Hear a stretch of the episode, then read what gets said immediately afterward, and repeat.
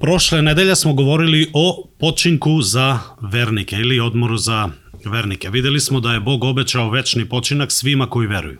Bog nas je podsjetio, koristeći primer Izraelovog neverovanja, da nije dovoljno samo znati, nego znanje treba spojiti sa verom. Pročitali smo dobro poznate stihove iz 95. psalma kao podsjećanje da danas ako mu čujete glas neka vam ne otvrdne srce. Bog je tada tako pozivao njegov narod, izraelski narod, tako je pisac poslanice jevrejima podsjetio jevreje, tako Bog i podsjeća nas danas, da ako nam Bog govori, ako mu danas čujemo glas, neka ne otvrne naše srce, nego da odgovorimo na ono što nam Bog govori. Čitali smo kako je Bogu sve otkriveno i ništa nije skriveno, on zna sve i njemu ćemo položiti račun. To je bio 13. stih u 14. glavi. Nakon ovog stiha pisac nastavlja tok misli koje je počeo izlagati u prvom stihu treće glave gde kaže Zato sveta braćo, vi koji imate udelo u nebeskom pozivu, usmerite svoje misli na apostola i prvosveštenika naše vere, Isusa. Danas ćemo pogledati odeljak od, četvrte, od 14. stiha četvrte glave do 10. stiha pete glave koji govori o Isusu kao velikom prvosvešteniku. I ajde da, da pročitamo nastavak ovih stihova od 14. stiha do 16. ćemo pročitati zajedno. I Božja reč kaže Pošto dakle imamo velikog prvosveštenika koji je prošao kroz nebesa, Isusa, Sina Božijeg, čvrsto se držimo vere.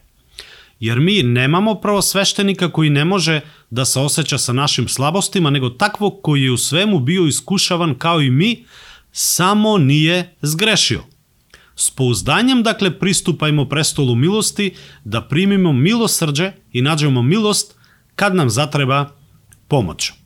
Исус е приказан као велики просвештеник кој као велика помош своме народу и као некој кој е способен да сачува свој народ од пада – i kao prvosveštenik koji se zastupa za svoj narod. Kao što smo pročitali prošle nedelju u prethodnim stihovima, da nas Božja reč u potpunosti razotkriva i ne možemo ništa da sakrijemo pred Bogom, ovde sada pisac nastavlja da nas podsjeća da mi možemo prići njemu po milosrđe i po milost, kaže pisac poslanice jevrejima. да погледамо кое су то врлине нашег дивног Господа и Спасителја Исуса Христа. Прва ствар е он е узвишени првосвештеник. Било е многу свештеника кои се заступали за народ, али ниједан не е био назван узвишени првосвештеник. Друго, у овим стиховима читамо да е он прошао кроз небеса. Он е прошао кроз сва небеса. Ово наше атмосферско небо, кое гледамо, звездано, звездано небо, кое е изнад него. Sve do trećeg neba, gde, koje je u stvari i Božije prebivalište. Ovo nam govori o njegovom uznesenju i proslavljenju. I mi znamo, Božja reč nam kaže da on sada sedi s desne strane Boga Oca. Takođe, vidimo da je on bio čovek, imao je ime, kao svaki čovek na zemlji, zvao se Isus, i čitamo da je on bio sin Boži. Mi smo sinovi Boži i vi ste žene čerke Božije. Ali kada kažemo za Isusa Hrista da je sin Boži, to znači da je on u potpunosti jednak sa Bogom Ocem ili da je on bogočovek. Iskustvo koje je imao kao čovek je veoma važno za nas, jer niko ne može istinski saosećati sa nekim ako nije prošao kroz isto iskustvo. Isus je bio iskušavan kao i svaki drugi čovek, samo nikada nije zgrešio, kaže Božja reč. I Sveto pismo na više mesta govori o njegovoj bezgrešnosti. Ja ću pročitati nekoliko stihova iz Novog Zaveta, recimo u 2. Korinčanima 5.21 kaže Njega koji nije učinio greh, Bog je radi nas učinio grehom da u njemu budemo Božja pravednost. 1. Petrova 2.22 kaže On grehe ne učini i prevara se ne nađe u njegovim ustima. Ovo je citat iz Isaije 53. glave 9. stih. Prva Jovanova 3.5 kaže, a vi znate da se on pojavio da ukloni grehe i da u njemu nema greha. Gospod Isus Hristos je bio savršeni čovek koji je bio iskušavan kao što smo mi iskušavani, ali nije sagrešio. Bilo je nemoguće da on sagreši. Bilo kao Bog ili bilo kao čovek. Kao savršeni čovek ništa nije činio на своју ruku, jer je bio u potpunosti poslušan ocu, a otac ga nikada ne bi naveo da greši. I mi znamo, a, u Svetom pismu čitamo da Bog nas nikada ne iskušava da bi nas naveo da sagrešimo, nego da bi a, ojačao našu veru. U doba Starog Zaveta jevreji nisu mogli da pristupe Bogu, samo prvo sveštenik jednom godišnje je mogao da pristupi Bogu za svoje grehe i za grehe naroda. Nama danas je ponuđena milost koja nas poziva da sa pouzdanjem pristupimo Bogu i zatražimo pomoć kad god nam zatreba. Ovo je zaista jedna divna istina, divna biblijska istina koju čitamo u ovom odeljku. Njegovo milosrđe, Božje milosrđe, pokriva sve što nismo smeli učiniti, a verujem da smo svi puno toga učinili što nije Bogu ugodno, a njegova milost daje nam snagu da činimo ono što bismo trebali činiti, a nemamo snage za to, da ne grešimo. Naše pouzdanje se zasniva na spoznaji da je On umro kako bi nas spasio i da živi kako bi nas očuvao u veri i uveo u večnost. Bez greha i bez mane. To znači da nam Bog daje priliku da se mi pokajemo, da se izmirimo sa njim, ali i da svakodnevno тежимо да живимо чист, свет и посвечени живот. Бог нас разуме, Он нас воли, тачно зна како нам е. Имамо директен приступ неговом трону милости и зато приступимо му и тражимо помош кад год нам затреба. А, ми као луѓи смо склони често пута да кажемо, ма мене ни Бог не разуме каде нас луѓе не разумеа и каде пролазимо кроз неки тежак можда период од животот, чини нам се да нас никој не разуме. Али Бог нас у потпуности разуме, затоа што е Он послал свога сина да живи у тело, да се поистовети со људским родом, да не сагреши и да нама буде пример да не треба да грешимо, али да му прилазимо со потпуним поуздањем кад нам затреба помош, да знамо да нас он разуме и да е ту да нам помогне. Е сад, све до овог места, Исус е бил приказан, до овог места у, у овом моделку кој смо прочитали, Исус е бил приказан као узвишениот пророка, сечате се на почетку, у уводу то смо читали, он е веќи од анджела и од Мојсија. Греј ми е говори о томе. Сад, у ова моделку се окрачемо jednoj важној теми свештенства, да би видели да е Христово првосвештенство узвишение од Aronovog. Imamo nekoliko sveštenstva koja se spominju u Novom Zavetu. Jedno od njih je Aronovo sveštenstvo. Kada je Bog Mojsiju dao zakon na Sinaju, uspostavio je ljudsko sveštenstvo kako bi, kako bi su ljudi mogli da mu pristupe. Sveštenici su morali da potiču iz Aronove porodice, iz levitskog plemena. Ta linija sveštenstva je poznata i kao levitsko ili Aronovo sveštenstvo. Ovo je sve zapisano u Starom Zavetu, ja neću se vraćati tamo nazad da čitamo, ali to su činjenice. To je bilo dakle Aronovo sveštenstvo. U Starom Zavetu spominje se još jedno božanski postavljeno sveštenstvo preko praoca Melhisedeka, koji se spominje u ovom odeljku koji sada mi čitamo. Taj čovek je živeo u doba Avrama mnogo pre nego što je bio predat zakon, pa je on služio i kao kralj i kao sveštenik. U odeljku koji je pred nama, koji smo sada pročitali, koji ćemo nastaviti da čitamo, pisac nam pokazuje da je Isus sveštenik po redu Melhisedokovom, a taj red je uzvišeniji od Aronovog sveštenstva. I ajde da nastavimo sa čitanjem i da pročitamo sada zajedno stihove koji se nalaze u petoj glavi od prvog do četvrtog stiha gde Božja reč kaže ovako. Сваки првосвештеник се узима од луѓи и за луѓе се поставља пред Бога да приноси дарове и жртве за грехе. Он може да биде увиđаван према онима кои су у незнању и заблуди, пошто е и сам подложен слабости.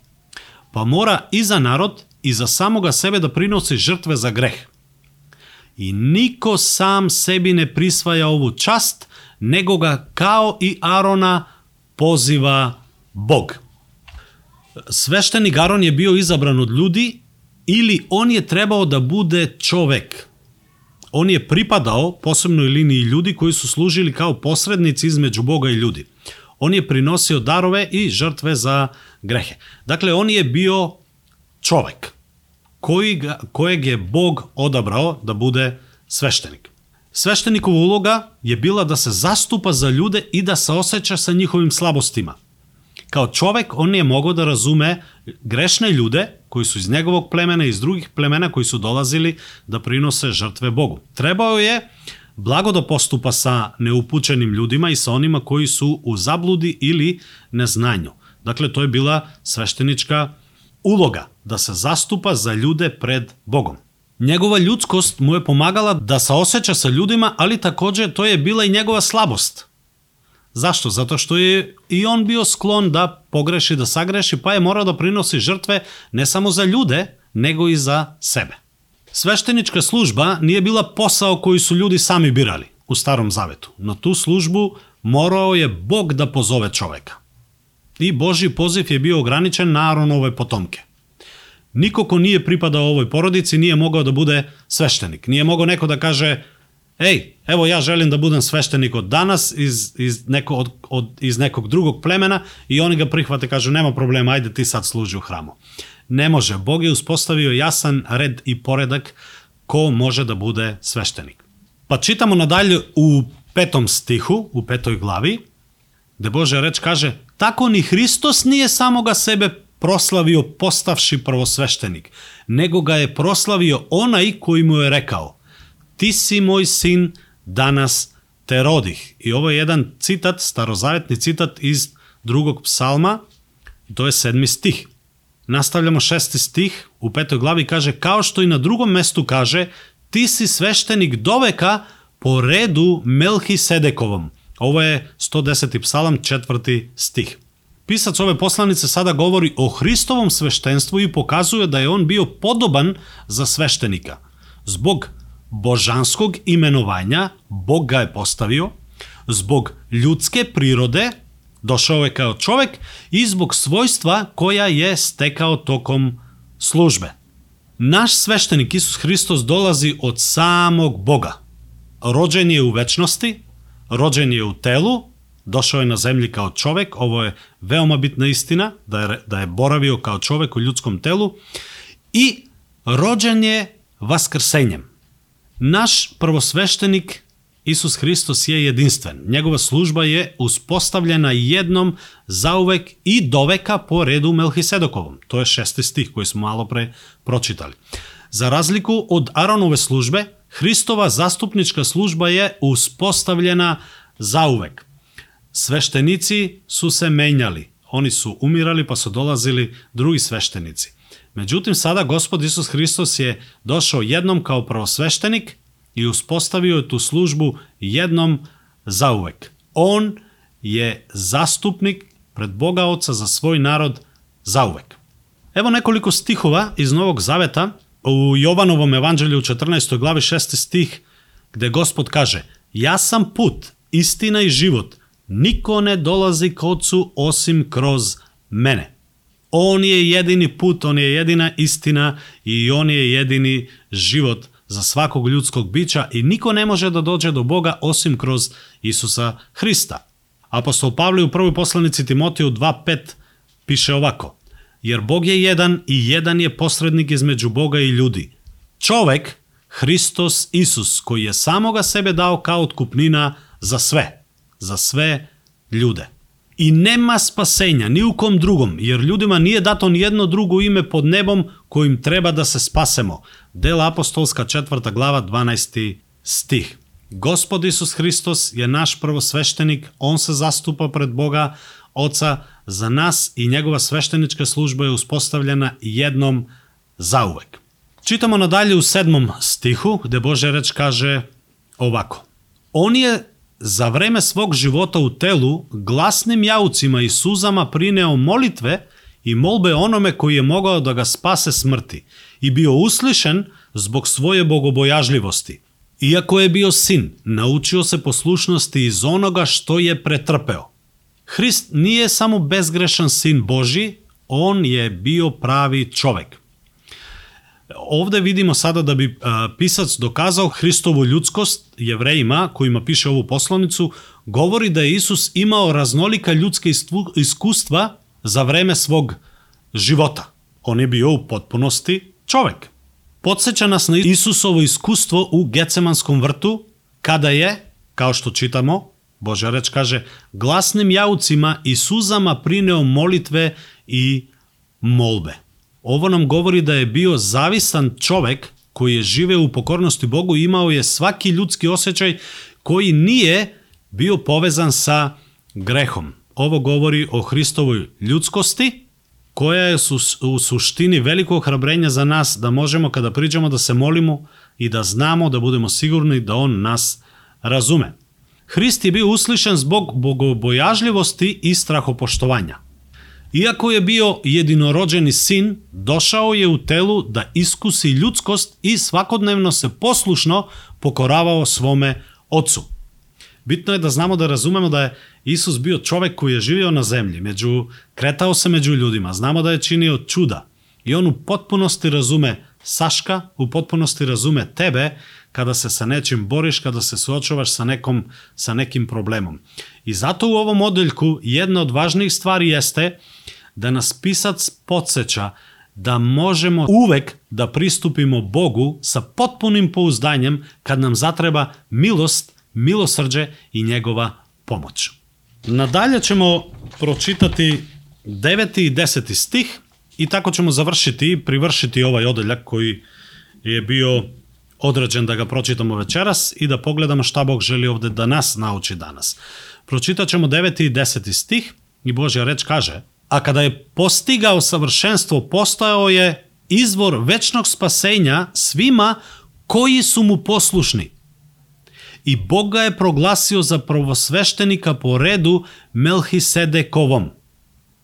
Dakle, postigavši savršenstvo, ovde se ne odnosi na njegov karakter – jer je gospod Isus bio apsolutno savršen. Njegove reči, njegova dela i putevi su bili apsolutno besprekorni. Vi i ja težimo tom savršenstvu, svakodnevno. I zato nam je potrebna pomoć i Božja milost i njegova blagodat kroz Svetoga Duha da nas čisti, da čisti naše duše, naša srca i da postajemo sve bolji i bolji i da postignemo savršenstvo na koje smo pozvani. I ja sam siguran da vi znate da mi to sami ne možemo. Zato nam je potrebna pomoć i zato nam je potreban zastupnik, prosveštenik Isus Hristos koji nas u potpunosti razume i koji je voljan i željan da nam pomogne. Na čemu se odnosi ova reč postigao savršenstvo? Postigao je savršenstvo u svojoj službi spasitelja. Da je Gospod Isus Hristos, Sin Božije, ostao u nebu, nikada ne bi postao naš spasitelj. Jer nama je bio potreban takav spasitelj, baš onakav kako nam je gospod ili otac nebeski poslao. Ali svojim utelovljenjem, dakle dolaskom na zemlji kao čovek u telu, svojom smrću, sahranom, bio je sahranjen, svojim vaskrsenjem i uznesenjem on je dovršio delo koje je bilo neophodno da bi nas spasio od naših greha. I zbog toga, zbog tog spasonosnog dela, on je stekao tu veličanstvenu slavu savršenog spasitelja. I tako je postigao savršenstvo tako što je ostvario delo na koje ga je otac pozvao, na koje se on dobrovoljno odazvao i došao na zemlji da umre za naše grehe, da umre za tvoje grehe i da umre za naše grehe. Nakon što je to učinio, vrativši se u nebu, kaže nam Božja reč, postao je izvor večnog spasenja svima koji su mu poslušni. Dakle, postao je izvor večnog spasenja svima koji su mu poslušni. On je izvor spasenja za sve ljude, ali spašavaju se samo oni koji su mu poslušni i oni koji mu se pokoravaju, kaže Božja reč. Pitanje za tebe i za mene jeste – da li si ti poslušan Bogu i da li se Bogu pokoravaš. Vera i poslušnost uvek idu zajedno. Onaj ko veruje on je poslušan. Onaj ko je pokoran, on veruje. I tako ima spasonosnu veru. Ove stvari u životu hrišćana nikako ne mogu da se isključe. I mi to vidimo u životu našeg gospoda Isusa Hrista i našeg spasitelja. On je u potpunosti verovao svome ocu, pokorio se i ispunio je božanski plan za spasenje ljudskog roda. Nemoguće je verovati Bogu, a biti neposlušan. Neposlušnost znači nevera. Sećate se da smo čitali kako se izraelski narod ponašao u pustinji. Oni su bili neposlušni, a to je značalo da su bili Bogu neverni. I zato nisu ni ušli u obećanu zemlju. Pisac ove poslanice nas podsjeća danas po uzoru na njihovu neposlušnost da mi ne budemo danas Bogu neposlušni i kao što smo rekli prošle nedelje, da budemo poslušni, da se držimo vere, da spojimo Božju reč sa verom da bi ušli u večiti počinak. I tako, zbog te iste poslušnosti, Bog je Isusa proglasio prvosveštenika po redu Melhisedekovom. Melhisedekovo sveštenstvo и старозаветна Аронова свештеничка служба, о којма смо читали ову моделку, су биле само сенка или предслика свештеничке службе и дела кои е Христос требао остварити и хвала Богу ја остварио и постигао ја совршенство на еден совршени начин по Божјој промисли, испунио е божански план, дошо е на земју, живео е као човек, умро е на крсту, vaskrsao je, uzneo se na nebu i danas kao savršeni prvosveštenik sedi Bogu s desna oca, zastupa se za tebe i za mene i pomaže nam kroz njegovu milost i blagoslov da težimo tom savršenstvu i da se pripremamo da uđemo u večiti počinak jednoga dana. Tema ove poruke je Isus je naš veliki prvosveštenik. Kao što celo sveto pismo govori o gospodu Isusu Hristu, kao što Stari zavet govori o gospodu Isusu Hristu, kao što Novi zavet govori o Isusu Hristu, tako poslanica jevrejima govori o gospodu Isusu Hristu, tako ovaj naš odeljak govori o toj ulozi prvosveštenika našeg gospoda Isusa Hrista. I na samom kraju ove poruke ja želim da završim tako što ćemo zajedno pročitati 14., 15. i 16. stih iz četvrte glave. Pogledajte ove stihove, otvorite vaše Biblije i neka ovo bude naš zaključak za danas. Ovo su zaista divne reči, svaka reč ima svoju težinu, svaki stih je tema za sebe, ali takođe i ogromno ohrabrenje za nas. Videli smo da je Gospod Isus Hristos uspostavio svešteničku službu jednom zauvek. I sada čitamo, 14. stih kaže Pošto dakle, ja bih dodao, braćo i sestre, imamo velikog prvosveštenika koji je prošao kroz nebesa, Isusa, Sina Božjeg, čvrsto se držimo vere. Jer mi nemamo prvosveštenika koji ne može da se osjeća sa našim slabostima, nego takvog koji je u svemu bio iskušavan kao i mi, samo nije zgrešio. S pouzdanjem, dakle, braćo i sestre, Kairos crkvo, pristupajmo prestolu milosti, da primimo milosrđe i nađemo milost kad nam zatreba pomoć. Neka nam Bog pomogne da tako živimo, da ozbiljno shvatimo ove reči, da znamo da nismo sami, da nas Gospod Isus Hristos razume i da je On tu uvek za nas da nam pomogne i da u njemu nađemo milost i milosrđe svaki put kada nam zatreba pomoć. Amin.